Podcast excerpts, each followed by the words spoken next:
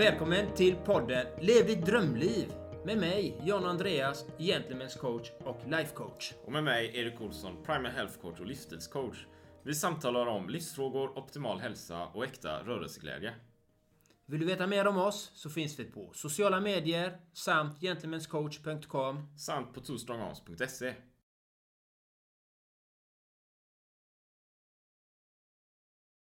Ja, då var vi här igen. Och vi är faktiskt inte på Entreprenörsgatan utan jag har tagit mig hela vägen hem till en speciell gäst här idag. Och jag har inte med mig min kära kollega Two Strong Arms.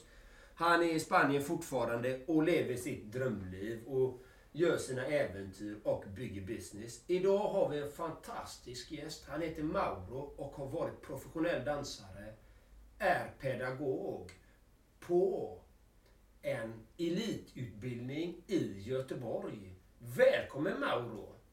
Hallå, hallå! Tack så mycket Andreas och tack för eh, att jag eh, fick vara med på det här eh, fantastiska. Och vad, vad heter elitutbildningen i Göteborg? Ja, det är Svenska Balettskolan som det finns i, i Stockholm och i Göteborg. Och jag ja, är pedagog där i, i, här i Göteborg och undervisar i nutida, modern klassisk och eh, commercial.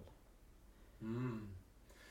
Du har inte haft en så, alltid så enkel resa. Du är ju inte, du är inte svensk, du är inte svensk påbrå så att säga. Du, du har ju bott utomlands misstänker jag. Ja, det stämmer. Jag kom hit som, eh, ja, skulle fylla sex 1978. Det var februari. Ja, jag tror det var typ runt den 20 februari. Som jag kom från eh, Chile. Mm med föräldrarna. Eh, pappa är chilenare, mamma är från Colombia. Have catch yourself eating the same flavorless dinner three days in a row? Dreaming of something better? Well, hello fresh is your guilt free dream come true baby. It's me, Gigi Palmer. Let's wake up those taste buds with hot juicy pecan crusted chicken or garlic butter shrimp scampi. Mm. Hello fresh.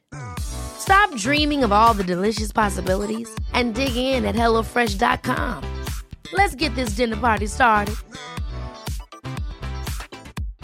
One size fits all seemed like a good idea for clothes. Nice dress. Uh, it's a it's a t-shirt. Until you tried it on.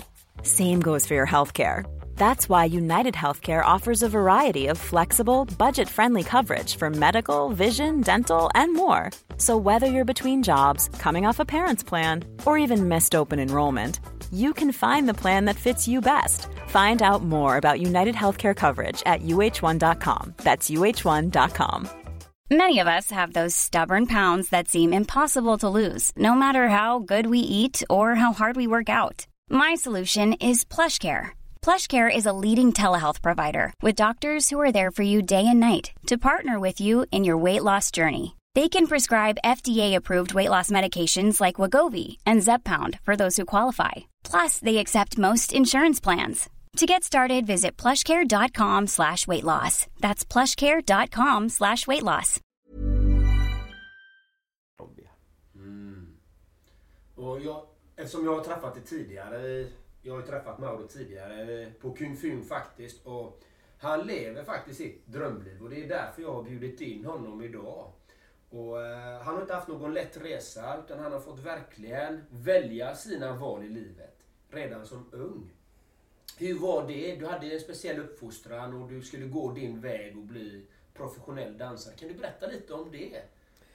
Om hur jag blev professionell dansare? Ja, och varför och hur du kunde fortsätta följa det du ville. För du, det kanske inte var så enkelt om man säger så. Dina föräldrar kanske ville att du skulle göra någonting helt annat. Ja, absolut. Och just den här eh, hur jag började med dans och så här. Det, det är ju ganska lång men en komplicerad historia. För på min tid som eh, ung, när jag var i tonåren eller yngre än det. Jag älskade ju dans. Men jag älskade ju kampsport också. Och eh, blev uppvuxen med mycket våld. Alltså ute i, i, ja, i skolan, ute på stan. Och det var mycket, mycket våld där i Östergötland, Linköping som jag växte upp. Men jag hatade våld. Jag har alltid varit antivåld men var tvungen ändå att kunna eh, försvara mig. Men alltid älskat dans och fred. Och sen dansen gjorde att jag fick utlopp för allt det där aggressionen jag, eh, jag kände Eh, inom mig på grund av våldet och hur mycket jag hatar orättvisor. Så då tränade jag jättemycket dans för mig själv. Hittade på hemma i mitt sovrum, eh, ställen, hittade kompisar, var ute och dansade överallt. Och eh, jag hade som sagt ingen tanke på att bli professionell dansare. Det var det att eh, folk såg talang när jag rörde mig, när jag dansade. Jag dansade breakdance, dansade latin, allt sånt. Och många sa Wow vad snyggt du dansar, vad fint du dansar och var verkligen blev imponerade. Och eh, min bror, min äldre bror som var vakt på en eh, diskotek där i Linköping som hette Broadway och Blue Heaven. Jag var ju lite för ung för att gå in på de här ställena. Men han fixade alltid in mig. Så jag fick alltid gå in där fast jag var 15-åring. Och det var 20 års eh, gräns. På något sätt så hamnade jag alltid där i dansgolven. Och inspirerade massor med människor och bara kom till mig och sa wow vad duktig. Och även själva DJn där. Han, sa, han blev inspirerad av mig till slut. Och han spelade musik efter mig. Och sen till slut blev jag DJn vänner. Och han ville alltid alltså, höra min åsikt vad han tyckte om musiken han skulle spela veckan innan. Och då fick jag komma hem till honom, till hans hem då. Och jag var 14 år. Och han hade ju en trevlig kille. Kom hit, ah, ja nu har jag fått de nya skivorna, vinyl, vad tycker du? så här. Och jag fick ty tycka, ah, men jag tycker den här är bra, nej den var inte så bra. Så han började spela efter, efter det jag tyckte. Och sen, ja det här mixen och sånt där. Sen till slut så, den här DJn då. Han hette Dr. John. Han, han, han frågade mig så här om jag kunde hänga med ibland. Alltså, för han åkte ibland till Stockholm och sånt och eh, DJ. Och var som en sån, eh, starta upp. Alltså bara in, hänga med och sen bara dansa i dansgolvet. Vilket jag gjorde. Jag följde hela med tiden med han överallt och bara oh, dansa bara fritt så här. Och så alltid på vägen då till ställena med hans bil då så lyssnade vi igenom all musik och sånt. Han var tyckte om det här låten och det här. Och, så vi hade väldigt grym eh, kommunikation med honom. Alltså bra samarbete. Med tanke, jag var bara 14 år gammal. Han var ju typ eh, 25 eller 26. Och så visade det sig att den här killen då hade en dröm. Och det att lära sig dansa. För han var ihop med en tjej som var dansare. Hon dansade grym ute fast inte på den nivån som jag gör i alla fall. Men i alla fall, han kände sig så han som att lite mindre för att han inte kunde dansa med henne. Och då frågade han mig så han, du Mauro, tror du att du kan lära mig dansa? Och jag har ju all, aldrig lärt någon dansa. Då tänkte jag, varför inte? Så yeah. gjorde vi så här att han spelade musik till mig, gjorde specialmix och sen jag kom hem till honom. Kanske en timme, två timmar eh, lite då och då i veckan. Och så körde vi. Jag lärde honom att dansa och så höll vi det här i smyg för att det är ingen som visste om det här. Så vi höll på så här kanske i någon månad. Så att han kunde freestyla, dansa hiphop, allt möjligt sånt här. Och han var självgående.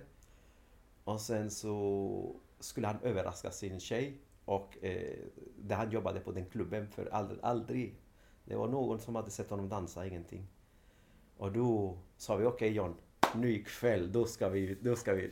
Och det var så häftigt. För han var ju, den här snubben var ju typ nästan två meter lång. Han såg bra ut, alltså han tränade mycket och han är cool kille. Men han var ändå så himla blyg och, och så han, bara för att dansen, att han inte kunde göra det var ett hinder för honom. Och sen bara det som var normalt för mig, det var så självklart att det är klart man kan dansa. Var inte det för han. Och jag tog det på blodigt allvar och sen, alltså. Då tog jag, okej. Okay, jag ska ta hand om den här situationen, vilket jag gjorde. Och sen vi gjorde det här till något jättefint. När han väl kom till klubben den dagen och han skulle dansa då. Och då var han ju ledig egentligen. Han skulle bara dit och parta. Och så satt vi där på bordet där med hans tjej och de som ägde klubban och allt sånt där. Och sen helt plötsligt så säger jag till honom, John, ska vi gå och dansa? Och han bara, ja visst ska vi gå. Och alla bara tappar hakan, du vet. Och sen ser den här stora killen, två meter, börja in och dansa som fasen som han verkligen... Wow! Det var en sån stund som var alltså, så häftigt. Hans tjej var, alla det var, det var så laddad. Och den snubben var så tacksam då för, för det jag gjorde. Och just den stunden fick mig att inse alltså kraften vad dansen var. Att det var ingenting, alltså visst jag hade alltid dansat för att jag tyckte om musiken och allt det där. Men sen började jag tänka, fast jag var ung, jag var väldigt klok, tänkte jag wow vilken kraft det här har. Verkligen. Så då började jag satsa mer på dansen då. Då började jag stimträna. Jag kollade hur kan jag fortsätta? Och då gjorde vi en sån här eh, studieförbund. Jag tror att det var en sån här studiecirkel där i Linköping i ett ställe som heter Konserthuset. Så vi fick komma in där, träna några timmar i veckan och så var jag ett gäng dansare där, som, alltså streetdansare för vi är breakare. Som tränade jättemycket. Och så vi hade det jättekul och battlade i, i, i dans och vi höll, höll oss undan våld. Allt sånt. Och så kom det ju en gång en, en rappare som hette MCB True. Från Minneapolis. Han, han bodde i Linköping, han flyttade dit. Och sen han letade efter eh, dansare för att göra shower och sånt där. Och så fick han höra talas om oss då, mig och sen mitt gäng som vi kallades för eh, Ghetto Dancers. som vi bestod av sex, sex killar, sex tjejer. Och han blev intresserad och han bara, ja killar och, och tjejer, ni, vill ni vara, vara med i min klubb så varsågoda.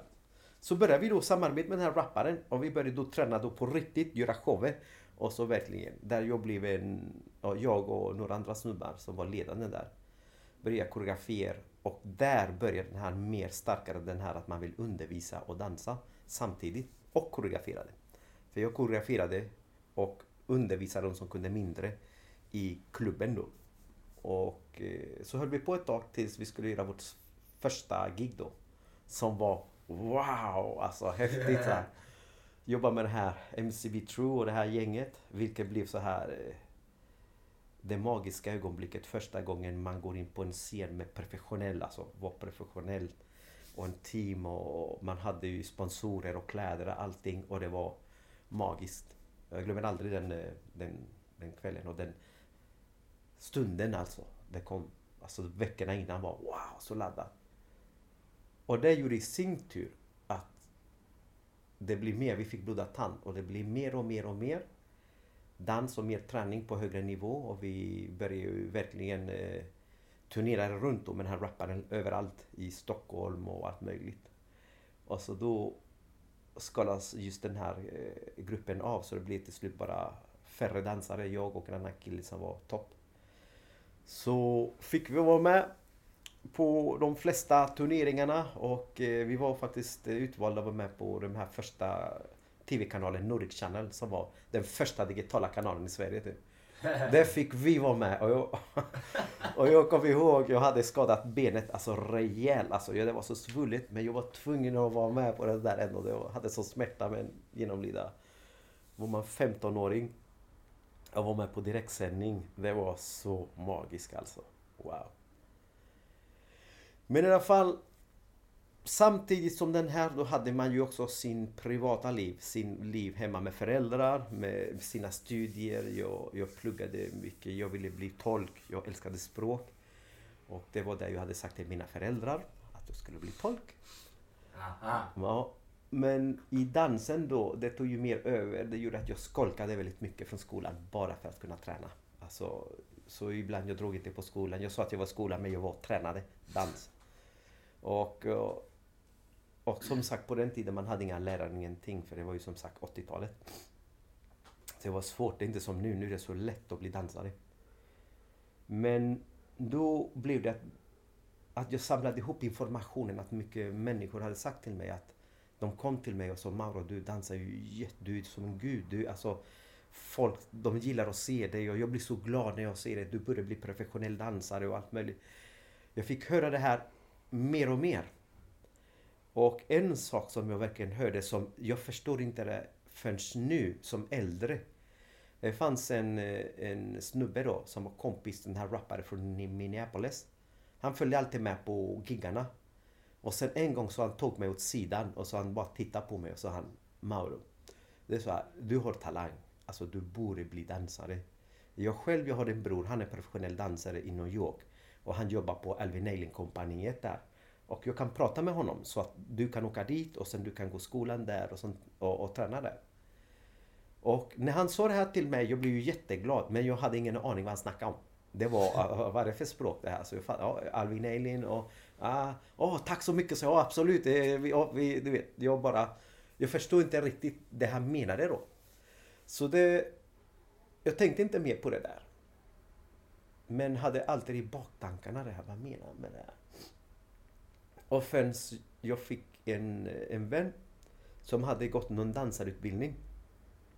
Som sa till mig, Mauro, du är det. det finns en utbildning där du kan gå. Jag har papperna, jag skickar det till audition och det fungerar. Eh, att, ja, du ska bara gå dit, du ska dansa solo och sen så blir du intagen till utbildningen och sen så kan du bli professionell dansare. Och jag tänkte, wow, varför inte? och då, då sa jag till mina föräldrar då, att jag skulle bli dansare. Jag sa, du, jag ska sluta skolan, jag ska söka på den här skolan som låg i Värmland. Mm. Och eh, mamma och pappa sa, nej, nej, nej, nej, inte ska du det. Du måste fokusera, du ska bli tolk och det här. Och eh, mina grannar, eh, som sagt riktigt spred sig, de trodde, nej, du, du kommer aldrig bli någonting. Alltså, hallå, de släpper inte in eh, blattar i sådana utbildningar heller. Det var den inställningen de hade, alltså min familj, till dansen då. Eh, och då tänkte jag, nej, jag ska fasen bli dansare, punkt slut. Och sen det ska ingen bestämma, det är bara jag som ska bestämma att jag ska bli dansare. Sen jag bryr mig inte om att min pappa tycker det här och min mamma det här och min granne tycker det här och alla som tycker nej men hallå. Du, de, de släpper inte in sådana som dig. Jag tänker nej. Jag är människa, det här är min vilja, det här är min värld. Jag älskar dans och jag har påverkat människor positivt. Det här ska jag kämpa för. För jag, jag hade den kampen och det här jag var typ 15 år när jag resonerade så. Och vilket jag gjorde då. Då sa jag till mina föräldrar, nej nu är det så att nu ska jag faktiskt gå till den här auditionen. Varken ni vill eller inte. Och jag skickade tyvärr papperna. Och sen min farsa som var skeptisk det från början sa nej, nej. Så han, han fick acceptera det. Och så, så kom ju den, den tiden då. Då jag blir kallad till audition. Att då, det innebär att man åker dit.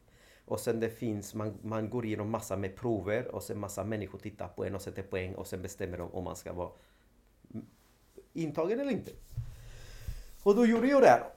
Och farsan du vet, han blev helt plötsligt, okej okay, men jag skjutsade dit då. Och det låg i Kristinehamn, så det var kanske en tre timmars bilfärd. Och han och morsan skjutsade mig dit.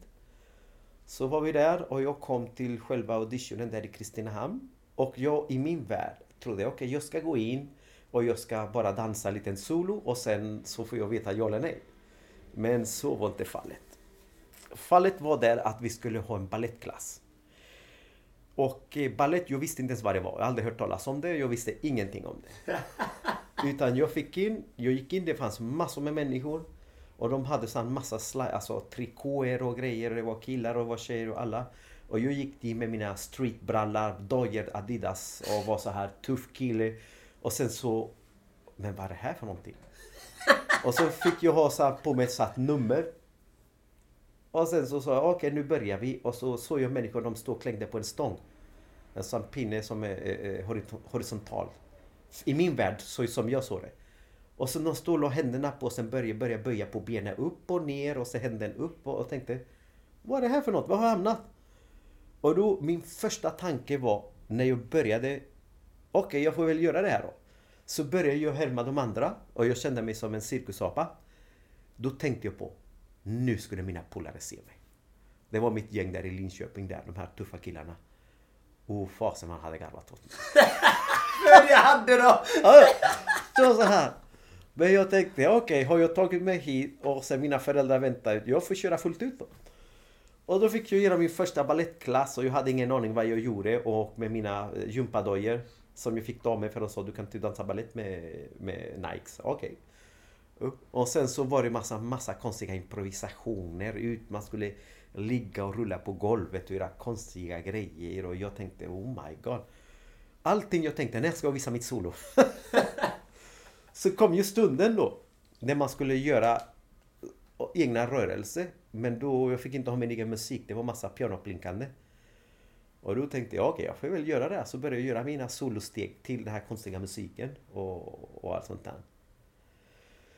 I alla fall så var den här eh, provet över. Sen var det intervju och jag blev intervjuad utav ja, ledningen. Och jag, jag sa precis varför jag ville bli dansare. Jag sa min motivation att jag älskade dans på grund av att det var eh, Eh, jag förespråkar antivåld och eh, det kraft att man kan påverka människor positivt eh, med sin kropp utan att förstöra naturen, det miljövänliga. Alltså jag har alltid haft den inställningen till dansen sen ungt ålder. Så då tyckte de väl om det då. Så då sa de okej, okay, om två veckor får du svar. Då tillbaka till Linköping. Mina föräldrar stod och väntade. Och jag tränade på som fasen och jag hade sagt fortfarande att när jag ska sluta gymnasiet för jag ska bli dansare. Och så kom den dagen som jag kom hem. Den eftermiddagen. Då ser jag min pappa framför mig. Han tittar på mig, han gråter. Oh. Och, jag tänkte, what? Och så tittade han och sa, du har kommit in. Och du vet, och då krossade det. Han, han, han blir ju så att, han förstår då liksom att han blev väl säkert stolt. Han ville inte att jag skulle bli, men han blev säkert stolt för att han såg min vilja. Och jag sa att nej, jag, jag ska bli. Punkt slut. Och så han såg liksom att alla som hade pratat och även han varit del utav det, alltså verkligen pratat emot det. Så men shit, min son klarar det. Så han blev ju stolt. Och då fick jag kraft utav det där. Då tänkte jag shit, jag ska verkligen bli den bästa dansaren och jag ska lyckas med allt jag, jag vill. Jag ska dansa i New York, jag ska det här. Redan då tänkte jag så här, den kraften. Och då, den dagen, jag tog på mig mina skor och stack ut och sprang av lycka. Bara sprang och sprang och sprang. Ungefär som han eh, Run, Forrest Run. Ja, Forrest Gump. Gump. Nej men det var den, den känslan, det hade, jag hade som en glöd i min kropp, en energi som har så här liksom Wow vad livet är underbart och jag älskar det här. Alltså, så här, jag, alltså ingen kommer stoppa det här. Alltså, och, och, den känslan, det känner jag än idag, alltså i min kropp, mm. när jag gör rätt. Mm. Och jag har alltid guidat mig för den här känslan. Då. Och då blev det så att den dagen kom jag skulle flytta hemifrån, jag kom in på utbildningen, jag fixade lägenhet, allting. Och jag sa hej då till min mamma. Jag tog alla mina jag hade i en väska och sen till tåget. Och sen min mamma stod där, hon grät som fasen. Och sa, och sa mamma ingen fara, jag kommer tillbaka. Så han, ja. jag, jag, kommer, jag ska bara gå dit ett år, jag kommer tillbaka hit och ingen fara. Och det var typ... Jag stack därifrån that's it, jag kom aldrig tillbaka.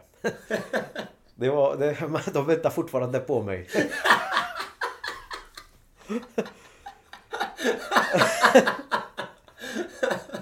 Så kan det vara. Nej, men jag, jag ringde ju och själv för att komma och hälsa på. Men, men jag ska säga en sak att eh, jag var så lycklig men jag insåg att man kom in på en utbildning där man vill, man brinner för.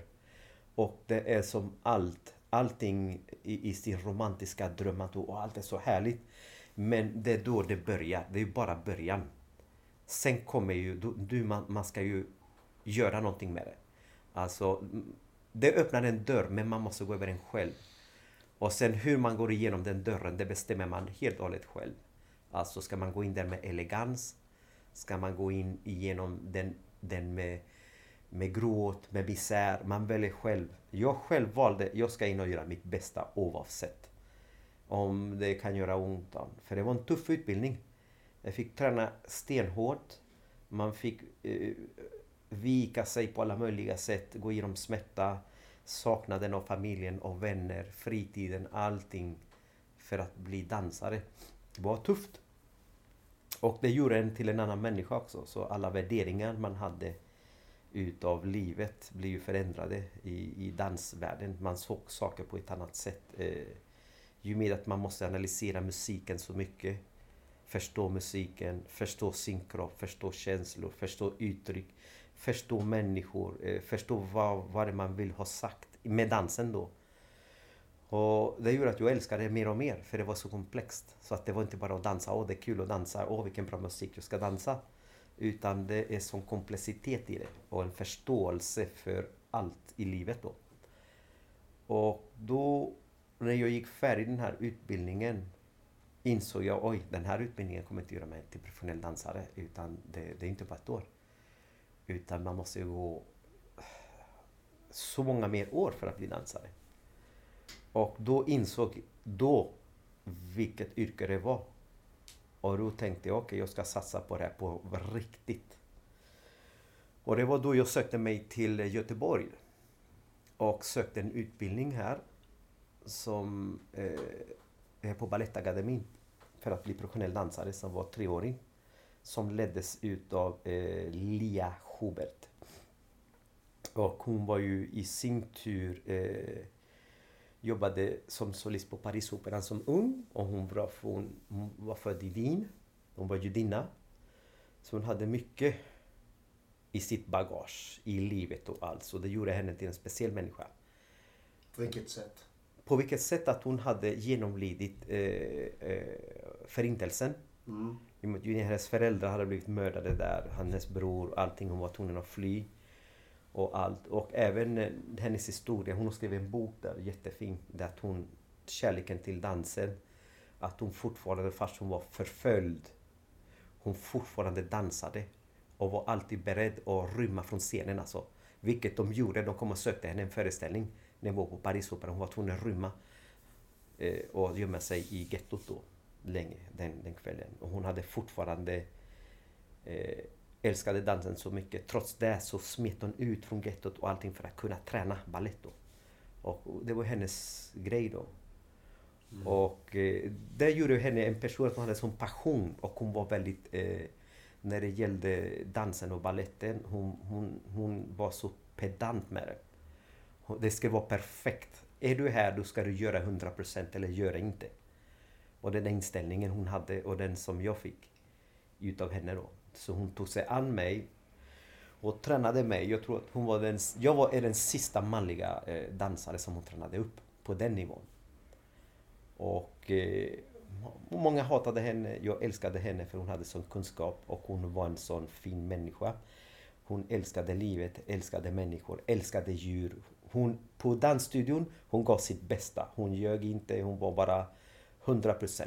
Hon pushade henne som oh my god på, alltså på alla sätt. Det var tufft för kroppen, tufft för psyket, men eh, mission accomplished. Hon gjorde sitt bästa för att vi skulle bli vårt bästa. Vilket gjorde att hon pinnade mig så himla hårt, den här kvinnan då. Så att... Eh, att bli balettdansare. Att hon sa, nej, jag vill träna dig extra. Så jag fick ett stipendium för att träna ett extra år med henne då. Wow. Vilket jag gjorde alltså själv och då bestod mina dagar sista året bara ballett, ballett, ballett, ballett. Alltså flera balettklasser om dagen. Fyra balettklasser om dagen. Alla möjliga. Och det gjorde att jag, jag blev den jag blev. Jag blev ren och sen hennes eh, hennes intention var att jag skulle bli klassisk dansare. Min intention var att jag skulle bli dansare. Alltså klassisk, modern, nutida, allt. För jag älskar all dans. Jag ser ingen skillnad. Det är som språk. Jag älskar alla språk. Jag säger att inget språk är... Utan alla språk är fina. Så som alla människor är olika. All, alla har, har någonting speciellt och ingen är bättre än någon. Utan man måste se för vad det är. Så såg ju dansen också. Många såg bara balletten men jag såg nej, dans överhuvudtaget. Så jobbar man. Ja. Så tycker jag med. I ja. allting i livet. Mm. Det är fantastiskt. Ja. Och då gjorde att jag... Eh, då var det dags att söka jobb. Och som sagt, jag fick inte söka vilka jobb som jag ville. Hon var, det var hon som gjorde det. Alltså, nej men det här får du söka, det här får du inte söka. Va? Varför? Ja. För att jag var hennes sista som hon, hon tyckte om mig så mycket så hon ville inte att jag skulle jobba vart som helst. För, för hon bestämde, nej du får inte söka det jobbet. Du är för bra för det här. Men jag visste inte det. För att jag visste inte hur bra jag var förrän jag blev sedd flera år mm. efteråt. Och så, nej men det här kompaniet, du, du är för bra. Det är inte bra för dig. Du, det är inte bra för ditt rykte och sådana grejer. Till slut så sökte jag någon kompani i Tyskland. Jag fick jobb med en gång. Jag fick flera jobb med en gång när jag var där i Tyskland. Men jag visste inte. För jag, man var ju alltid i lilla Sverige i sin lilla studio. Man tror, åh man... Som här i Sverige, man får ju det här och lagom. Och eh, man får inte tycka att man är bäst eller man är bra. Utan det var inställningen, du ska bara göra. Men inombords jag visste att jag var bra men jag vågade inte visa det bara. Först jag kom till Tyskland och sen började turnera det där och insåg wow, jag är ju, jag är ju grym dansare. Och sen med det här kompaniet sig gjorde att, att vi, vi turnerade och vi kom till New York då. Vilket som var en av mina drömmar. Att jag ska komma till New York och jag ska dansa där. Vilket jag gjorde det då. Och då när den drömmen uppfylldes. Då var det, man har ju sett Alltså hela den här sak i huvudet. Sin dröm. Oh, jag ska dit, jag ska dit. Och sen när man väl kommer dit, man kommer till den toppen. Och då händer det någonting. Någonting händer med min kropp och med min hjärna och med allting.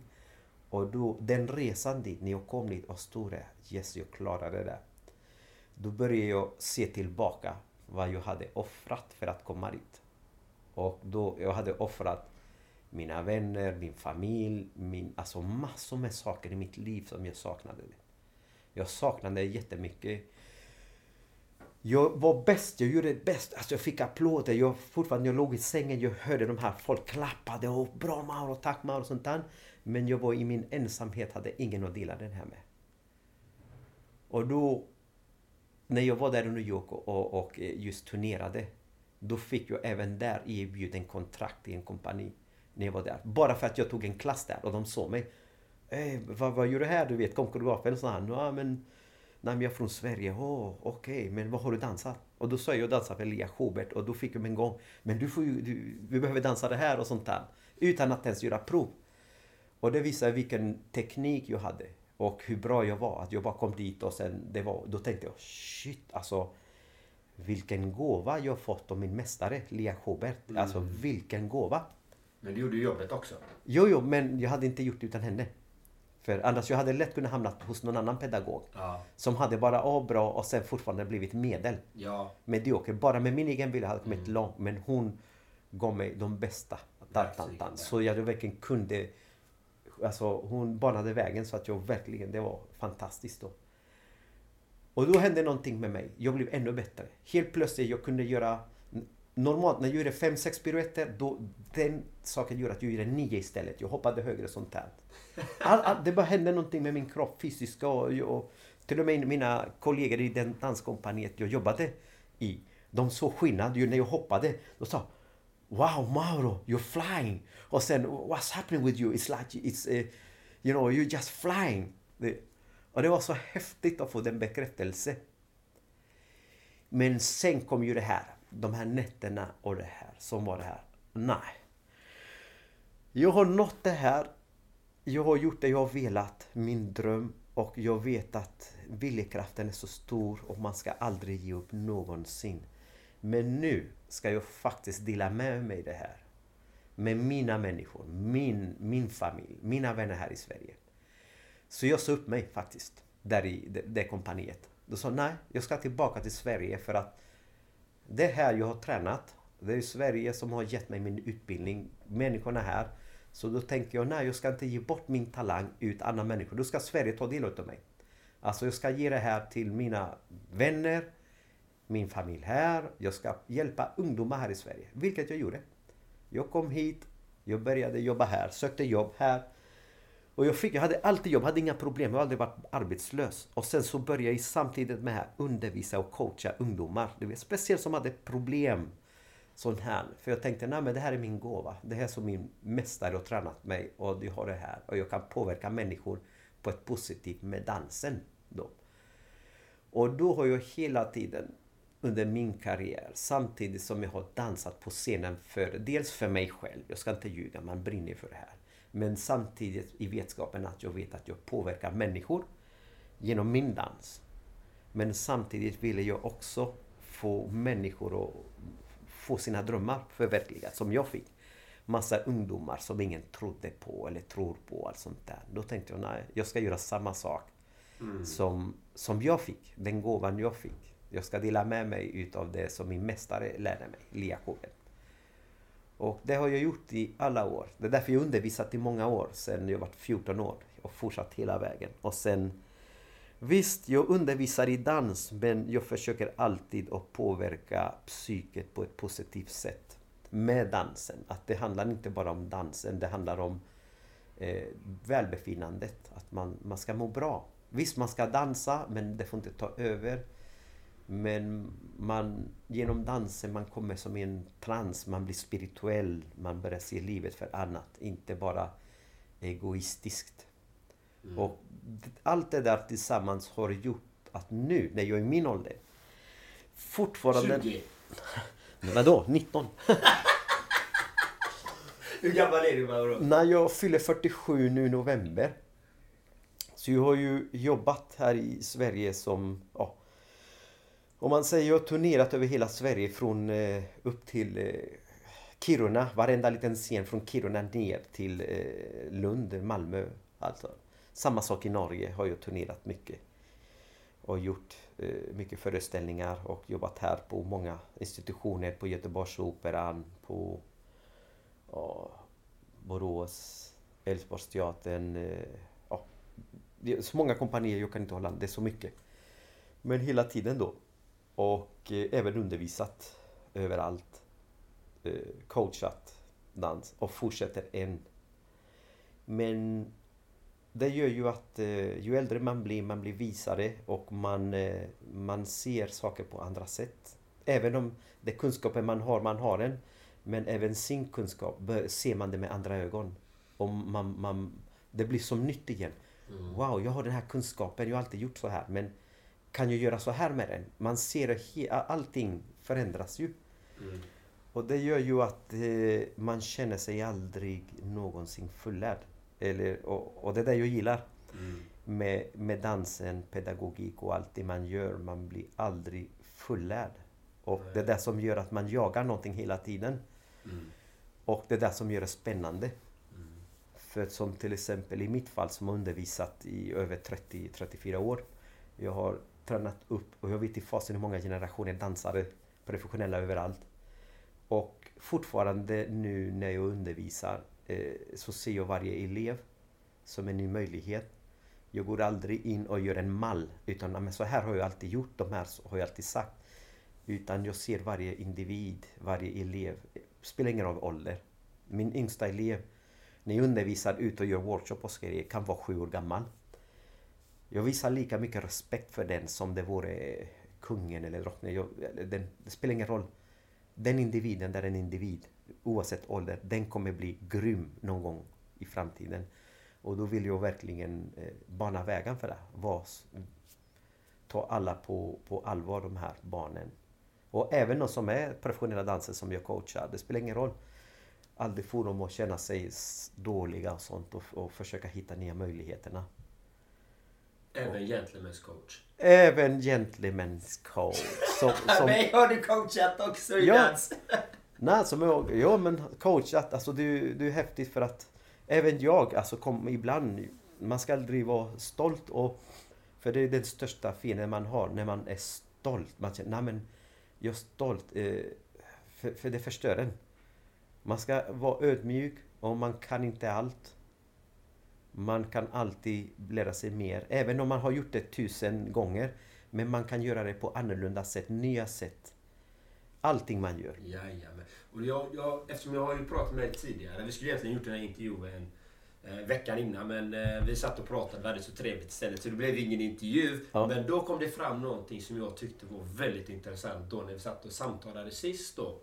Det var Eh, som jag kände igen mig själv. Där man går över tröskeln över vad kroppen klarar av. Att man går sönder.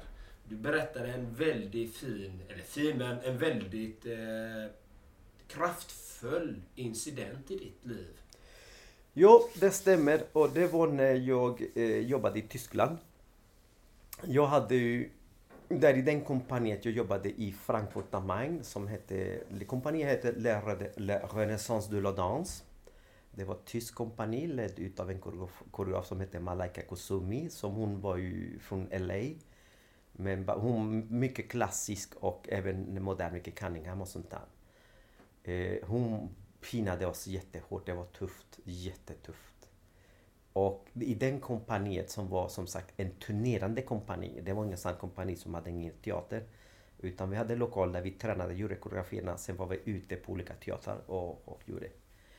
Och det gjorde ju också att den, just den kompanien var ju var dansare som, som bara kom efter efter säsong bara. Och då var det ju många dansare från Ryssland, solister från Bolshoi, från alla stora kompanier från Belgien, från Holland, från Ecuador, från överallt. Toppdansare då, solister. Och då menar jag att alla de här människorna, alltså de var supertränade sen de var typ tre år gamla. Och jag började ju sent av vilja då, som vi gjorde. Eh, så jag fick göra dubbelträning då.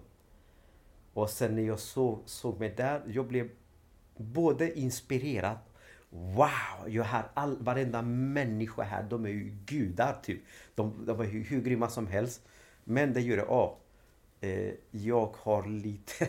Jag måste träna hårdare för att komma på deras nivå. Speciellt i början. Och då, det, jag bo- fick både en push utav det, men samtidigt som jag själv såg, oh shit, jag är sämre än dem. Och då blev det att jag fick dubbeldos utav eh, min den här träningsvilja. Och då gör det ju det att jag kör över min kropp totalt. Jag tränade varje, alla dagarna stenhårt plus föreställningarna. Jag vilade aldrig. Även söndagar tränade jag. Eh, och som dansare man blir ju van att acceptera smärta. Så ibland man dansade med stukade ben, alltså man, man ler ändå. Man har ont, stukningar, vrickningar, eh, ont överallt. Men man gör det man ska utan att klaga. Utan det får man göra sen hemma. Om man vill. Så. Men det var ju på det sättet som jag i alla fall blev tränad. Och då lyssnar man inte på kroppens signaler. Alltså kroppen, man sätter en lock och sen så kroppen börjar ju säga ifrån. Och man ignorerar det. Man, man, man lyssnar inte på den bara, den fysiska smärtan. Och då började det med att jag hade svårt att sova. Jag sov jättedåligt. Jag hade så mycket, sov jättedåligt. Och det gjorde i sin tur att jag fick sämre immunförsvar. Och sen blev jag förkyld. Jag tränade ändå. Jag fick någon influensa. Jag tränade ändå. Jag, jag fortsatte att träna, träna fast jag hade feber. Till slut så, så, så svimmade jag. Alltså på, på, på, på hemma. I, när jag skulle iväg till kompaniet. Eh, jag skulle upp och jag hade aldrig svimmat i mitt liv men jag bara bom kollapsade då. Och, och sen vaknade jag upp och ringde till, till koreografen då eller, och sa att vad som hade hänt då. Och då hon sa okej, ta det lugnt, vila lite och så får vi skicka dig till eh, sjukhuset. Då. då fick jag dit. Och så fick jag massa antibiotika. För att för tydligen det var någonting med lungorna då. Och sen jag tränade ändå med det där. Jag sa, nej men jag är bra. Jag stack dit och tränade ändå. Fortsatte, fortsatte, fortsatte med antibiotika fast jag hade feber. Till slut så koreografen hon tittade på mig och sa, nej nej nej, du får gå hem. Hon bara sa, hon sa, nej men jag vill. Nej, hem. Så jag blev eh, hemskickad då. Och eh, då ordnade de så att jag fick träffa någon sån här... Du vet, där i Tyskland, de kör mycket med naturmedicin och sådana saker. Och just min, hon koreografen och de, de var ju buddhister. Så då hade du någon sån här... Eh, a lot can happen in the next three years. Like a chatbot maybe your new best friend. But what won't change? Needing health insurance. United Healthcare Tri Term Medical Plans are available for these changing times.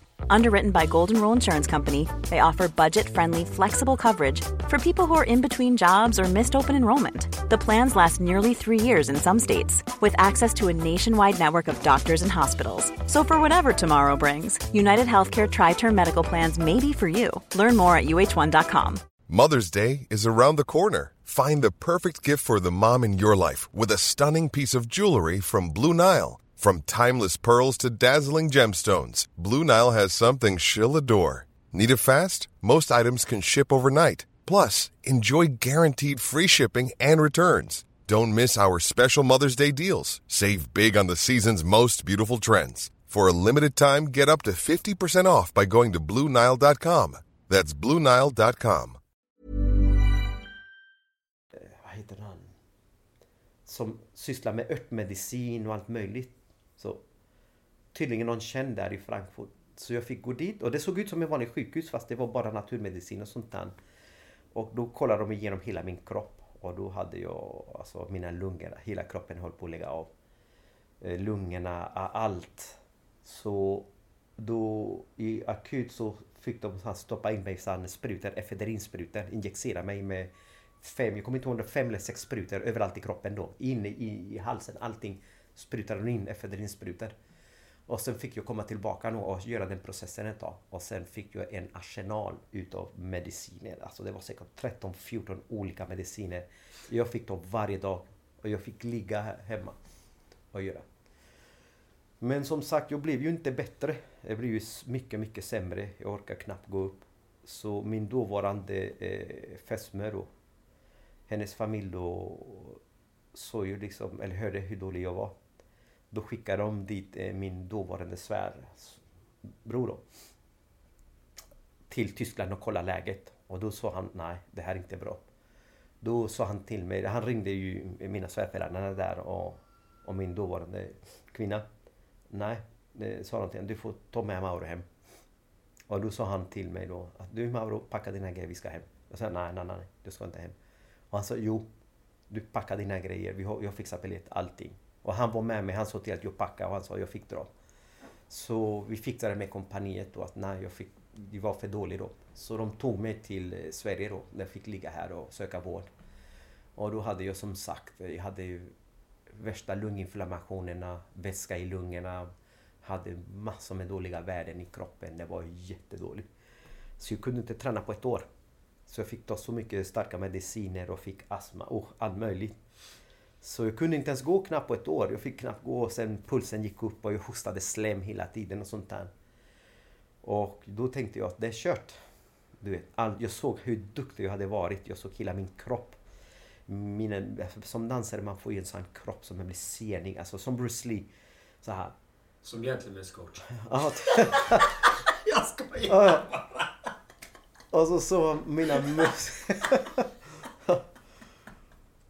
ja, det var... Ja, det var bra. Man måste skoja. Självklart, man ska, man ska faktiskt ha kul. Det är ja. Han fortsätter med säljarkropp. Sen Bruce Lee, gentleman's coach.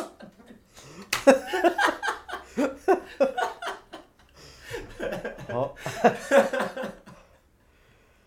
Nej, så det tog mig faktiskt lång tid att rehabilitera mig och så min kropp bara för, alltså förtvina helt och hållet. Och sen när jag väl, alltså det tog ungefär ett år att kunna liksom bara gå och springa och sånt där. Och sen började det här riktiga livet. Jag var ju professionell dansare. Mm. Och så komma tillbaka. Och sen alla hade ju haft en bild av Mauro, han är ju grym och sånt här. Och han är ju sann. Och sen komma tillbaka och träna. Jag övervägde att sluta dansa för att alltså, mm. jag skämdes så mycket för mig att jag var så dålig. Ja. Alltså jag kunde inte göra en piruett, jag kunde knappt lyfta. Alltså, alltså så dålig. Från att kunna göra nio piruetter till att alltså inte kunna stå på en balans eller kunna hoppa någonting. Men någon gång måste jag ändå börja träna upp mig. Så började jag träna upp mig, komma tillbaka till den här proffsträningen där, där dansare tränar. Och då så folk hade sett mig, jag var ju jättespinkig och jätteförändrad. Och sen kunde knappt göra någonting. Och sen folk hade sett mig innan jag kunde flyga sånt och göra någonting. Och jag skämdes mm. så mycket då. Och sen så... Just den stunden fick jag ta det här valet. Alltså, och, och, och glömma vem jag hade varit. Eller det jag hade kunnat. Det jag kunde förut. Utan det jag kunde, det kunde jag. Det fanns redan i hjärnan på mig. Nu var det bara att gå in på det vetenskapliga. Och det är att jag hade redan kunskapen. Jag behövde bara träna upp min kropp. Och då, då fick jag bara suga på tabletten och säga nej, jag får bara göra det. Acceptera att jag är där. Och sen ta hand om min kropp. Istället för tvärtom bara träna stenhårt som, du, som man skulle ha gjort förut. Då var jag mer metodisk då. Började kolla, nej men det tar så här många veckor för musklerna, för fästena, för vikheten, konditionen, allt det där och kosten. Då började jag tänka väldigt mycket på vad jag åt, min kost. Så att ingen skräpmat, bara nyttig mat och byggde upp min kropp från scratch. Alltså, allting började ju med maten, med hur jag tränade. Och framförallt som var det viktigaste som jag fick, jag lärde mig verkligen en läxa. Eh, jag lärde mig min kropp och jag bad faktiskt min kropp om förlåt. Mm. Jo, jo. Jag, fick, jag stod där och duschade och jag mm. kramade min fot, tack min fot. Och sa, tog hand om min kropp på riktigt för jag hade struntat i den. För det är ändå del utav mig. Alltså, mm. Mina ben, min axel, min mage, mitt hår, min näsa. Allting det är mig. Och det måste jag bara behandla med kärlek. Och det gjorde att jag kunde komma tillbaka sakta med den här kärleken till mig själv. Mm. Och det hade, jag hade fått. Och egentligen Jag kan gå djupare. För Ja, att, vi ska gå djupare. djupare där, för kärleken till mig själv. Jag sa ibland som man tänker så här människor. Jag älskar mig själv. Alltså så här, då tänker jag, wow vilken egoistisk människa. Eller självgod. Men man får tänka att vi alla människor, vi består utav massor med andra människor. Jag består utav delar utav min mamma, och min pappa, och min farfar. Alla de här generationer tillbaka. Det, då jag har delar utav dem. Och då när jag, när jag säger att jag älskar mig själv, då säger jag i sin tur att det är ju dem jag också älskar. Och det, där, det jag lärde mig där i den resan. Att det var inte bara mig, utan det var min, mina föräldrar också. Som jag älskade, genom att tycka om mig själv. Och dela med, med hela den här. Och sen gjorde att jag sakta och lugnt gav min kropp den tiden den behövde. Mm. Och jag kom tillbaka och blev ännu bättre fast jag inte trodde det. Jag trodde inte det var möjligt. Fantastiskt. Ja, ja. Jag var typ eh, 27 år gammal och var Wow! Alltså, jag hade, för då hade jag en kunskap om min kropp. Jag hade kunskap om tekniken. Jag visste mina gränser. Jag visste sådana här grejer. Då var det mycket lättare än att man bara satsar vilt. Man springer vilt mot allt och man, man slösar energi. Nu var all min energi, det var mätt, genomtänkt. Jag ska lägga så mycket energi på det här, på det här, på det här. Och då blev det den optimala. Så jag optimerade mig till den alltså mycket bättre dansare. Eh, och, och det gjorde i sin tur att jag blev bättre pedagog också. För så började jag ändra om mitt sätt att undervisa. Och inte predikade för så som jag hade tränat mig själv. Utan då började jag att tänka tvärtom. Tänka först på människan. Alltså den människan jag jobbar med. Alltså vem är, vad, är det för en individ? Som jag jobbar med. Ser den i ögonen, ser den i själen, ser dens eh, hjärta och allt det där. Okej, den här människan vill dansa, vill röra sig. Och då tänker jag, okej, jag ska göra mitt bästa och hitta de bästa verktygen för just den här lilla människan. Och eh, eh, se till att den tar hand om sin kropp också. Och tar hand om sig själv. Och inte bli blind för att, eh, för att prestera. För att oftast, du, där det, det hamnar snett. Eh, man, man vill bli något och så blir man blind. Åh, jag ska göra det här. Visst, det är kul, men sen man, man försummar sig själv och sin kropp. Och det måste vara en balans där. Det, det, man får, det måste vara... Låt kroppen vara med i, i den, den fasen, den resan av träningen. Ge den en kraft, lyssna på den. Eh, lyssna på, på själen när man tränar, när man undervisar eller gör vad som helst. Lyssna på den också samtidigt som du lyssnar på din kropp. Och lyssna på din resa och dig själv samtidigt. Det är det bästa man kan göra. Det är verkligen och, och varje dag, varje stund är unik faktiskt.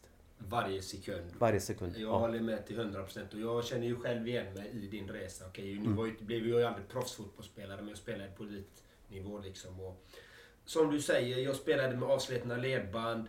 Jag visade ingen smärta. Jag tog ingen smärtstillande eller någonting utan man bara körde på av, avslitna muskel, muskler, allting, bristningar, allt. Mm. Ja. Man bara matade på stoneface. Man visade ingenting. Man var en eh, krigare liksom. Och spelade helt söndrig. Mm. Och det... Jag har inte kommit tillbaka än ifrån de skadorna. Liksom. De muskelbristningarna, de, de ligger där och jag har ändå gjort rehab och det funkar Ja. inte. Liksom. Och Då får jag anpassa min träning. Får jag hålla på med dans istället och, Mm. och hitta andra former att uttrycka mig på. Mm. Så jag är väldigt tacksam, som du säger, att du är tacksam för det och förlåta Mm. och ta hand om sin kropp. Det är så viktigt att faktiskt bara lyssna. Okej, vilken typ av smärta är det jag har nu? Är det en skada eller är det en hälsosam smärta jag har? Det är viktigt att balansera den liksom. För ibland kan man känna att man blir trött. Kan, kan jag gå över detta eller inte? Ska jag stanna upp? Så att man inte forcerar för mycket. För vissa, vissa smärtor behöver man ibland gå över för att utvecklas i en viss nivå. Men vissa, går du över den då skadar man sig. Och det är en väldigt hårfin balans. Hur ser du på den liksom? Att det är den här balansen där mellan med de här olika smärtorna. Du förstår vad jag menar? Jo, jo, det, är absolut. För det är ju som sagt, man har ju gått igenom alla möjliga smärtor. Alltså både fysiska och mentala. För det är ju också en del av smärta. För, Jajamän. för som sagt, allting börjar ju också i, i, hjärnan, i huvudet. Ibland så kan man ju få smärtor fast som inte existerar. Man bara får för sig. Precis! Jo, och, och det har jag upplevt många gånger. Det är samma sak som till exempel folk säger, speciellt som dansare, vi måste vara superviga.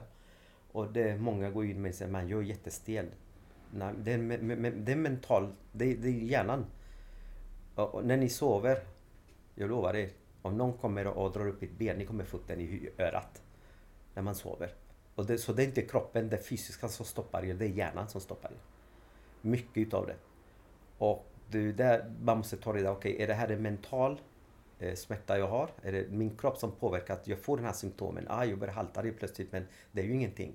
Då, i- då, då ska man ha koll på det för då kan det vara att det är en, en problem man har, eh, eh emotionellt problem. Som kroppen visar i en fysisk skada som egentligen inte är fysisk. Eh, sen så har man ju också de fysiska skadorna. Som är de på riktiga. Då är då det något, något går sönder i kroppen. Eller det behöver inte gå sönder. Kroppen säger till, hallå vänta. Eh, nu börjar bensinen ta slut där. Eller oljan är slut där. Om du fortsätter, eh, motorn kommer skära sig. Så fungerar ju musklerna. Alltså alla trådarna i musklerna och allting. Och slitage hela tiden som man inte tänker på. Kroppen säger till. Och då måste man ju lyssna på det. Är det här en sån skada där jag ska ta det lugnt med? Är det här en, en, en smärta som att nej, men jag måste ta igenom den? Eller det är olika. Om man lär sig på om det är en, en smärtan, om den är varm, om den är kall, om den är pulserande, om det består eller om det ilar eller om det man gör en rörelse att det kommer och sticker till. Eller att om den är bara hela tiden stilla oavsett man gör. Då, då får man lära sig alla de här eh, smärtorna. Man känner ju själv i sin kropp och jag har en inflammation här. Och det känns, man har lärt sig en inflammation genom att ha haft inflammationer. Eh, hur vet man att ha den sträckning? Det vet man inte förrän man har sträckt sig på några gånger, inte en gång men flera. För första gången man blir bara rädd och man vet inte vad som händer. Men har man fått några sträckningar så man ja ah, men det är en sträckning så upplever jag den smärtan. Eller det här är en bristning, det här är en stupning, det här är... det- Alltså man, det finns inga genvägar. För att kunna bli mästare på det, man måste ha haft dem. Det går inte att lära sig sina egna smärtor via en bok. Eller googla, oj jag har ont här och sånt där. Ni måste uppleva det. Den praktiska kunskapen. Med den praktiska kunskapen. Och då vet man till nästa gång, för man ska inte göra samma misstag två gånger. Då vet man, ah nu ska jag ta det lugnt. Det är en sån smärta, nej men nu ska jag inte fortsätta. Eller nej men det här kan jag leva med. Och det är så man får hitta balansen med det. Och eh, får man ont någonstans, då hittar man oftast en ny, en ny kroppsdel som man inte hade en aning om. Vissa muskler som bara, "Oj, jag visste inte att jag hade muskel här. Nej. Annars så är de bara där. De- Musklerna är bara, kroppen är bara där. För en liten, liten muskel någonstans i foten bara, oh, den gör ont. Oh, har jag muskel där? Jag trodde att det var en fot. Och det är så man lär känna sin kropp faktiskt, genom smärta. Och sen hitta en bra balans. För att inte bli nördig bara. För att det går inte att känna hela tiden heller. För man måste ju leva också. Ja. ja, intressant. Det är väldigt intressanta de här, eh, även det mentala. För vi har ju också mentala blockeringar liksom som, som hindrar oss att ta de där extra stegen liksom ibland. att Ja, folk har kanske sagt det ena och det andra. Nej, men du kan inte bli det här, eller du kan inte göra det här, eller du kan bara göra tre piruetter. Hur är det du coachar dina elever? När de, om du märker att de har en mental blockering någonstans eller att de har fått någonting till sig från någon klasskamrat, från någon elev eller från sina föräldrar eller från någon lärare som har sagt att men du kan inte göra det här. Hur, hur hanterar du det? Hur jag hanterar det? Och, alltså, saken det beror på ålder. Alltså man är på en lägre ålder, då är det under, under uppbyggnad. Då, då ger man bara byggnadsklossar. Alltså, då, man behöver inte ta bort så mycket. Men är det så lite äldre dansare, som tonåringar, då är det mycket känslor. Alltså då, då oftast eh, man kommer i tonåren där man, man, man upptäcker saker och ting. Alltså man börjar vakna upp i livet, man börjar se världen med sina egna ögon. Men de ögonen man ser med dem, man har inte så mycket kunskap om, om livet. Då, då kommer ju en hel hav utav saker. Det är som första gången, försök att uppleva det här. Nu när man bor i en storstad, när ni är någonstans utomlands eller någonstans där det inte finns lysen, titta upp mot himlen. När man gör det första gången, man ser miljontals stjärnor så nära, det blir så mycket. Alltså den intrycket, när jag gjorde det första gången, alltså jag blev rädd, jag, jag började gråta utav rädsla. När jag såg himlen så nära. så ser tonåringar nu på livet när de börjar vakna upp. Det blir, allting blir så mycket och nära och, det, och det, då är det ett annat sätt att, att ta bort dem. Eller en annan människa som är vuxen och har, har bagage. Då måste man ju gå tillbaka, ta bort det bagaget, läka såren och sen, okej okay, nu fortsätter vi härifrån. Man måste gå tillbaka. Men då, då ser man som till exempel, min grund, grundprincipen är så här. När man ska lära någonting, då får man se det för vad det är. Och det är så här. Jag är elev. Jag kan inte det här och jag ska lära mig. Och sen, hur lär man sig? Vad är bästa sättet att lära sig? Jo, det är att göra fel. Göra misstag. Och det är det första jag lär mina elever. Och det är att göra fel. Det är okej. Okay. Ramla nu, gör med flit. Ramla, gör det här, få folk att skratta åt dig. Om du ramlar, det är inte så farligt, eller hur? Eller det här. Utan tillåt dig själv också ramla. Alltså gör fel, tillåt dig lite fel. För att som sagt, den värsta människan, det är sig själv.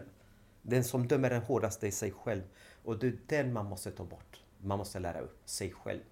Att gör fel, gör det här, det är okej. Okay. Och sen ju mer du gör fel, man hittar rätt. Det är som man letar efter en kanal i radion, de äldre, eh, äldre tiderna. Man gör den här skruvade. Man skruvade till höger, till vänster, höger, sen mindre och mindre och till slut var man där. Efter många år, lite efter den kanalen, man gjorde en boom med en gång man hittade den. Samma, bara på ett drag. Så är det ju också med, med undervisning av dans. Att man, man måste hitta dem. Och så här fel kan det gå. Till slut, ja, titta, du gör mindre och mindre och mindre. Mm. Och mindre fel. Men genom att acceptera eh, att göra fel. Sen, de äldre då, är ju oftast de redan har eh, eh bagage då. Då brukar jag gå en annan väg. Då kallar, då, det här kommer låta hårt, men jag kallar dem för arrogant. Arrogans kallar jag för det. För när det kommer någon vuxen, vuxen som kan, ha varit med lite mer i livet och är rädd för att göra fel, någonting de aldrig gjort förut. Då, då kallar jag dem för arroganter. För att då, då vill man gå dit och göra någonting för första gången perfekt. Det är en jäkla arrogans. Utan man måste lära sig att vara ödmjuk. Utan för att lära mig det här jag vill lära mig, det måste man träna tusentals gånger och göra jättemycket fel som alla andra som har gjort det här. Mm. Varför ska jag vara så speciell och göra det på första försöket? Och oj, jag är bäst. Det handlar om att man ska ta bort det där, skala bort. Mm. Utan man försöker, okej okay, det gick så här, okej. Okay. Sen så får man ju kolla, oj det gick på första gången, vad gjorde jag för rätt? Okej, okay, då fortsätter jag göra det här. Mm. Och sen analysera helt enkelt. För att kunna sen. Men man ska ju ta bort den här mm. prestationsångest och, ja. eh, och framförallt ni måste tänka, eller som jag tänker, jag tänker alltid när jag ska göra någonting. Jag är förlåtande, jag förlåter alla människor. Alla får göra fel och helt och klanta till sig och göra narr av sig själv. Jag blir, jag blir glad när folk gör fel. Då kan jag skratta jag lite och skratta med den. Gud vad glad du gör min dag. Alltså, det, det är ingen stor drama utav det. Men när någon gör fel och blir jätteförbannad. Åh, du skrattar inte åt mig. Då blir det... Hallå? Genom att göra fel, man gör andra människor glada ibland faktiskt. Så. Jag menar med så är det. Och vara ödmjuk, precis som du säger. Det är alltid det jag förespråkar själv. Var ödmjuk. Är det någonting man inte kan gå in med nyfikenhet, titta där. Okej, okay, nu gjorde jag det här, jag vrickade foten där. Mm. Och, men det är för att inte jag kan detta. Det är så jag ramlar och såg i huvudet och jag får bjuda på det. Ja. Liksom, inte ta sig på sig själv så stort allvar. Nej. Nej precis, man ska, man ska vara som sagt förlåta och relax och, och chill. En sak att och, och bara tillägga just när, när man lär in i, i lärandeprocessen. Man jobbar ju med två saker. Den ena är ju med självkänslan och den andra är med självförtroende. Mm. Eh, självförtroende det är att, eh, att man är duktig på något. Någonting man kan göra. Ett verb. Alltså jag är bra på någonting. Mm. Alltså, på just där jag lever, där kan jag leva. Alltså, det är därför många människor, var försiktiga med att man, man, eh, man lever genom något annat. Jag lever genom fotbollen. Jag lever genom dansen. Yes. Jag lever genom min träning. Jag lever, för det där det är jag bra och det mår jag bra. Det är självförtroende. Självkänslan, det är när man vet varför man är här och man är duger. Alltså ingen är bättre än någon annan. Vi alla blivit skapta på samma sätt även vissa djur. Vi är alla lika, ingen bättre än någon annan och alla har rätt till att leva. Har rätt till lycka, har rätt till alltihopa. Sen är ju den inställningen man har själv. Alltså, och, och självkänslan är ju det. Och veta och äga den känslan. Att äga den. Försiktigt att man inte blir arrogant. För där har man för mycket självkänsla. Då kan man faktiskt bli arrogant. Genom att tro, nej men jag, jag, jag, du, jag, jag, jag förtjänar alltså allt det här och gå över människor. Det får man aldrig göra. Utan man måste bara vetskapen inom sig själv veta att jag duger. Men för det innebär inte att jag ska gå omkring och predika att jag är bäst. Eller bättre människa än någon, för det är vi inte. Ja, men då är det inte... Om man börjar predika att man är bättre än någon, då har man inte god självkänsla. Nej. Då behöver man hävda sig återigen. Precis. Då bottnar det återigen i självkänslan. Precis. En som har god självkänsla, han behöver inte göra det. Nej. Han vet att han är fantastisk som han är och att Mauro är fantastisk som han är och Pelle och Diana och eh, Julia är fantastiska som de är. För det är den, en som har riktigt god självkänsla. Han vet att jag är, jag är unik, jag är speciell som jag är. Och är ödmjuk inför allt som han ställer sig inför. Och känner sig ändå trygg i det. Även om han gör någonting nytt så känner han sig trygg i sig själv. Jag vet att jag är amatör i det här. Jag vet att jag aldrig gjort det här. Men jag gör det ändå för att jag vill detta. Att man har, äger den känslan precis så som du säger, sin självkänsla. Ja, det, det var så där i, som sagt, för, för, genom självkänsla självförtroende så vill man ju oftast eh, göra en triangel. Man har en startposition. Och man ser den människan i det man vill göra som är bra på det. Då vill man dit. Fort. man vill ta genväg och det går inte. Man- Vi pratade om quick fix innan. Ja, ja, ja. Alltså, det, det, sök, all, sök aldrig genvägar. Det, det, det, det går inte. Det brukar bli omvägar som jag brukar säga. Genvägar brukar bli en omväg. Ja, det blir det faktiskt. Man får ju många... Det, det, och, och det är ju med allt. Det mesta i alla fall. Jag är ingen expert på allt, men på det mesta som jag har upplevt tills nu i mitt liv, i det, allt jag har tagit till mig och gör i mitt liv. Allting, till och med genom att köpa verktyg. Köp inga billiga verktyg. Fan, det är genväg. Fan, enkelt så här. Köp en bra verktyg från början, då kommer du aldrig mer ha problem. Men det är värt. Yes. Eller hur? Jajamän. Och du som har jobbat, du vet ju att, nej men varför ta det billiga? Nej, nej, det blir dyrt. Du måste köpa tusen sådana sen, eller mer. Då blir det dyrare i längden. Nej, men det är till exempel som jag har varit elektriker innan. Ja. Köp en dålig skruvdragare. Den bränns ju upp. Den bränner ju liksom. Ja, och och sen den, måste- den, har inte, den har inte den kraften eller någonting. Det är bara hallå eller det är leksak. den här ska ju hålla i tre år liksom. Den håller inte ens en månad. Ja, ja. Då måste man gå och köpa en ny och reklamera. Och då, hade- då, hade- då hade du redan kunnat köpa en ny för tiden har försvunnit. Ja. Nej, så därför genvägar, det, det är inte bra. Eh, och, och, och där kan man förstöra sin självförtroende och även sin självkänsla. Och det är där man jobbar som pedagog. Man jobbar med de här två ihop. Självkänslan, den här individen som förtjänar det här. Och självförtroendet. Självförtroende blir sen när den kan göra sakerna och blir wow, nu, nu känner jag mig trygg i det här, att jag kan den här delen. Men man kan bygga upp självkänslan på vägen med självförtroende genom att uppleva processen Jajamän. och känna processen. Ramla, jag tar mig upp tillbaka. Jag ramlar, jag försöker igen. Jag ramlar, jag gör och jag, åh det var kul att ramla den här gången. Åh, får se nu. Och sen, till, och sen så, då bygger man upp i träningen självkänslan med självförtroendet. Genom att uppleva. Och det är därför när man har bråttom med genvägar, det är då man glömmer att uppleva. Och man glömmer livet. För att ja, livet går ju, alltså dagarna går, tiden går oavsett vill eller inte. Och varför stressa igenom det? Istället så är det ju bättre att man, eh, man upplever vägen dit. Som jag ska uppleva, jag ska lära mig det här är nytt. Och man försöker och man är så bunden i målet att jag ska bli det här, jag ska klara av det här, jag ska göra det här. Istället för att uppleva, okej nu försöker jag det här steget eller den här rörelsen. Wow, vad hände med min kropp? Hur kändes det här? Vad gör min arm? Vad gör mitt huvud när jag håller på med det här? Vad hände med min fot? Vad hände med min andning? Som egentligen är essensen. Att behärska andningen i, i allting man gör. För det är som sagt, eh, andningen som gör att man får energi, man upplever, man blir avslappnade och eh, relax. Så glöm inte att uppleva, det stärker självkänslan. Sen har jag en till fråga också. Ja. Det spirituella, är du spirituell? Om jag är spirituell?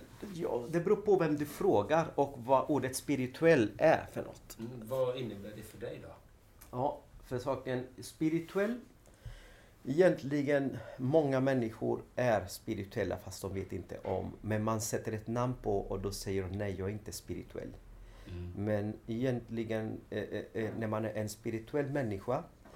Det är, för mig då, så kom, återigen, jag språkar inte så här är det. Det här är min, min upplevelse som jag ser det med mina ögon. Så det finns vissa som har andra sätt eller eh, andra metoder eller lite annorlunda. Men det är ju det när man är i stunden och i tiden med sin andning, med sin kropp och ser eh, allting för vad det är. Alltså, det mina ögon ser, alltså jag sätter blicken på saker och det är vad det är. Mina öron hör. Alltså, det blir, eh, de blir i, synkade. Mina ögon, mina öron blir synkade. Samtidigt det jag känner blir synkade i den stunden. Och det jag tänker, mina tankar. Allting blir i ett samtidigt. För mig, det är att vara, att vara spirituell. När man kan uppnå det, det, det stadium. Meditativ, när man är så saker. Alltså, jag tycker varken bu eller bä. Jag, jag tycker varken det här är bra eller dåligt. Sätter ingen värdering Jag sätter inga värderingar på någonting utan jag ser så. Då är man, för mig då, det är det när jag uppnår med, med spiritualitet. För då är man i, som sagt, i friläge, neutralt läge. Där man är öppen för alla sinnena då. Då, då är inte hjärnan upptagen med att, att lyssna eller se eller någonting. Man är öppen. Och det är då det jag kallar för spiritualismen kommer in. Det är då jag får kontakt med mina förfäder. Jag får kontakt med naturen. Jag får kontakt med mina djur. Jag får kontakt med min framtid. Jag får kontakt med det som har hänt. Jag får kontakt med det som händer runt om mig nu. Alltså vad tänker min mamma på nu i den här stunden? Just nu, som jag är här. Eh, vad tänker min, min fru? Eller försöker vara i deras tankar. Det för mig var spirituell. Sen, vad jag använder den till, det är en helt annan femma. Alltså om jag använder till min religion, för som sagt jag är IFA-präst.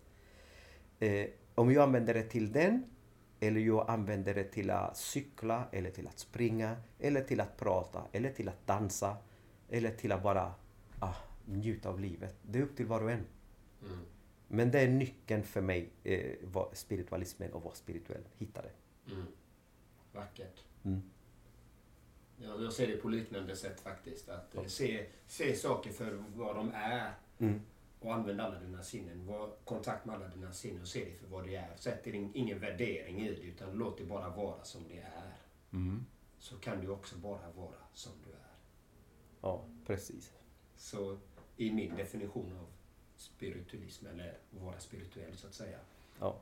Men sen vägen dit kan vara olika för olika människor. För olika saker tvingar oss att komma dit. För det är inte så att eh, vi föds... Visst, vi- alltså, det gör alltså vi föds på ett visst sätt och, och har... Fast det kan man ju diskutera mycket som helst. Men i alla fall, men, men sen för att återanknyta ah, till det här spirituella. Man kommer dit på olika sätt. Ja. Vissa människor är olyckor som gör att man blir spirituell, nära döden upplevelse. Eh, att man eh, går igenom skit i livet. Misshandel, eh, krossad hjärta, dåliga förhållanden. Allt det här kommer få en att söka. Man söker efter något. Meningen med livet. Varför finns jag? Varför händer det här? Man bara letar efter saker. Svar. Varför händer det här? Hur kan jag göra? Ska jag låta det ske? Går det att förändra det? Vad är det meningen med det här? När någon dör? Alltså, alltså, alla de här sakerna får människor, eller får oss, jag är också människa, får oss att börja tänka till på ett annat sätt. Inte bara gå som klockan. Klockan bara visar tiden. Och vi, ibland vi gör som klockan. Vi bara Vi, vi, spring, vi springer med den utan att känna någonting eller fråga. Och det får ju oss sen att börja fråga och då kommer man olika sätt, olika religioner, olika saker till som leder till att man hittar sin spiritualitet. Mm. Vackert. Ja, det här var ett helt magiskt, fantastiskt eh, avsnitt, måste jag säga. Och ni har fått höra Mauro. En fantastisk människa som jag har faktiskt fått lära känna genom Kung Fu.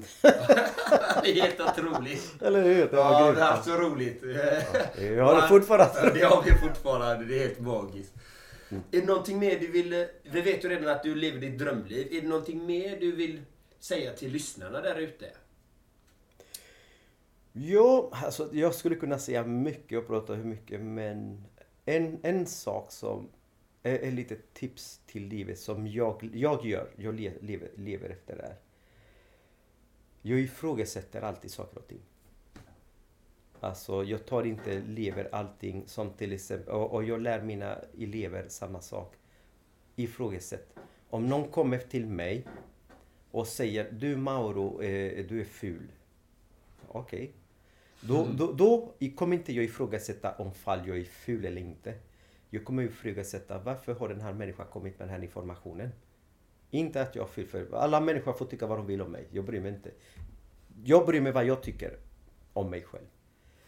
Men allting ifrågasätt. Varför händer det här? Hur kan jag göra det här? Skulle jag kunna undvika den situationen? Ifrågasätt allting för mycket. Det finns mycket bra svar på det. Och vet ni de bästa svaren, var de finns? Inne i er egna hjärna. Era tankar. De Ja. bästa svaren. Och eh, ibland så kan folk tycka Åh, jag tycker att du ska göra så här. Jag tycker du är här. Du tycker så här. Visst, alla människor får tycka precis vad de vill. Men det är vad du gör med saker. Även om du har, alltså, tycker. Och det är därför det uppstår mycket problem och saker när man börjar lyssna på vad folk tycker. Du börjar bli snickare. Nej, men du börjar bli tolk. Du börjar bli dansare. Du börjar bli det här. Du börjar göra så här. Nej, man ska inte göra det. Utan man ska följa sitt eget, vad er kropp och allting säger till er. Och följ er egen. För alltid, man kan förlåta sig själv när man gör sina egna misstag. Jag valde det här. Och då, okej fan, jag gjorde fel. Okej, man lever med det. Men man förlåter inte sig själv när man lyssnar på någon annan. Man, om någon ger mig ett råd, mamma gör så här. Och jag tänkte okej, jag gör så här. Och så gör och det går fel. Jag kan förlåta den människan, men jag kommer inte förlåta mig själv för att jag lyssnade på den människan. Så, lyssna på er själva. Ja, det är precis som jag brukar säga. Man ska vara en forskare i sitt eget liv. Oh ja. Som forskare, man ska forska hela tiden. Ifrågasätta allt, precis allting. Varför, precis som du säger. Varför hände detta? Varför sa den människan så? Och även se bakom de här sakerna varför han sa så. Om någon säger någonting otrevligt. Det betyder enkelt och kort att han inte mår bra. Ja. Det är kort och gott kan man säga det så. Ja, så gör jag till exempel i, i mina förhållanden eller med mina elever allting när de kommer och säger till någonting som är boom, alltså det blir kastat på mig. Då tänker jag först och främst, okej nu har jag den här informationen, vilket är bara ord. Eh, hur ska jag ta de här orden? Då tänker jag så här, hur mår jag? Är jag trött? Är jag hungrig? Är jag stressad? Och sånt här. Okej, då kommer den här informationen. Då, då är det först mitt, hur jag mår. Den informationen. Och sen hur mår den här eleven eller den människan? Är den trött? Är den stressad? Är den ledsen? Så med andra ord, de här orden som finns där, då väljer jag. Ska jag ta allvarligt på dem eller inte? Och då kan de helt enkelt neutraliseras genom Vänta, jag är faktiskt jättetrött och jag tog åt mig lite för mycket på grund av det här. Plus att den här människan var så här, så egentligen de här orden, det är ju ingenting. Så det är så jag tänker. Det enda som jag tänker, alltså ta mig en gång, den jag får positiv kritik. Det tar jag med en gång. Åh, tack så mycket. Ja, ja, Det är det men- enda! ja, Den, den, den, den jag analyserar inte. Det går rakt in i säcken. Bara! Rätt in i ryggsäcken! Bara rätt in i Ja, ja. ryggsäcken! va- Faktiskt det enda jag gör, jag bara okej, tack så mycket så blir jag glad. Så Jag tänker Ja. inte på, vad menar han? Åh, tack så mycket. Vänta, jag hör inte, kan du säga det högre? Men, men det kan också vara lite farligt också. Du vet, det finns ju de som vill dupera en med charm också. Jo, men... Men, men man kan Men ta vad det gör du? Men- Det var mår bra. Du mår bra. Ja. Ja, Det är den människan som, Ja. som har en baktanke som Ja. kanske... Men Ja, precis. Det här är fantastiskt. Ja, det här var ett helt magiskt fantastiskt avsnitt. Och tack för att ni tog er tid att lyssna. Och jag önskar er allt det bästa. Samma så här. Eh, jag har faktiskt en kompis som jag älskar. Han säger Enjoy life, life is beautiful. Jag håller med. Puss och kram. Ciao!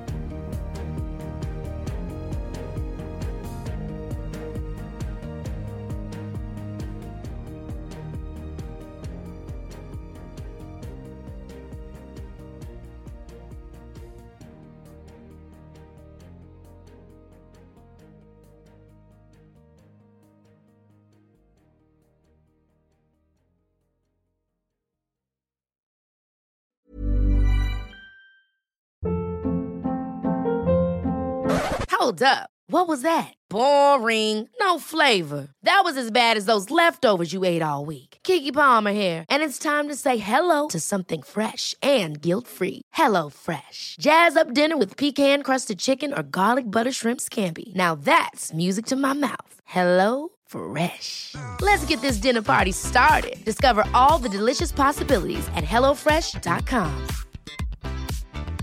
Mom deserves the best, and there's no better place to shop for Mother's Day than Whole Foods Market. They're your destination for unbeatable savings, from premium gifts to show-stopping flowers and irresistible desserts. Start by saving 33% with Prime on all body care and candles. Then get a 15-stem bunch of tulips for just $9.99 each with Prime. Round out Mom's menu with festive rosé, irresistible berry chantilly cake, and more special treats. Come celebrate Mother's Day at Whole Foods Market. Planning for your next trip?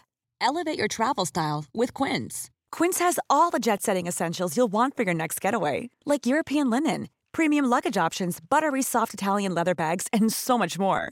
And is all priced at 50 to 80% less than similar brands. Plus, Quince only works with factories that use safe and ethical manufacturing practices. Pack your bags with high-quality essentials you'll be wearing for vacations to come with Quince. Go to quince.com slash pack for free shipping and 365-day returns.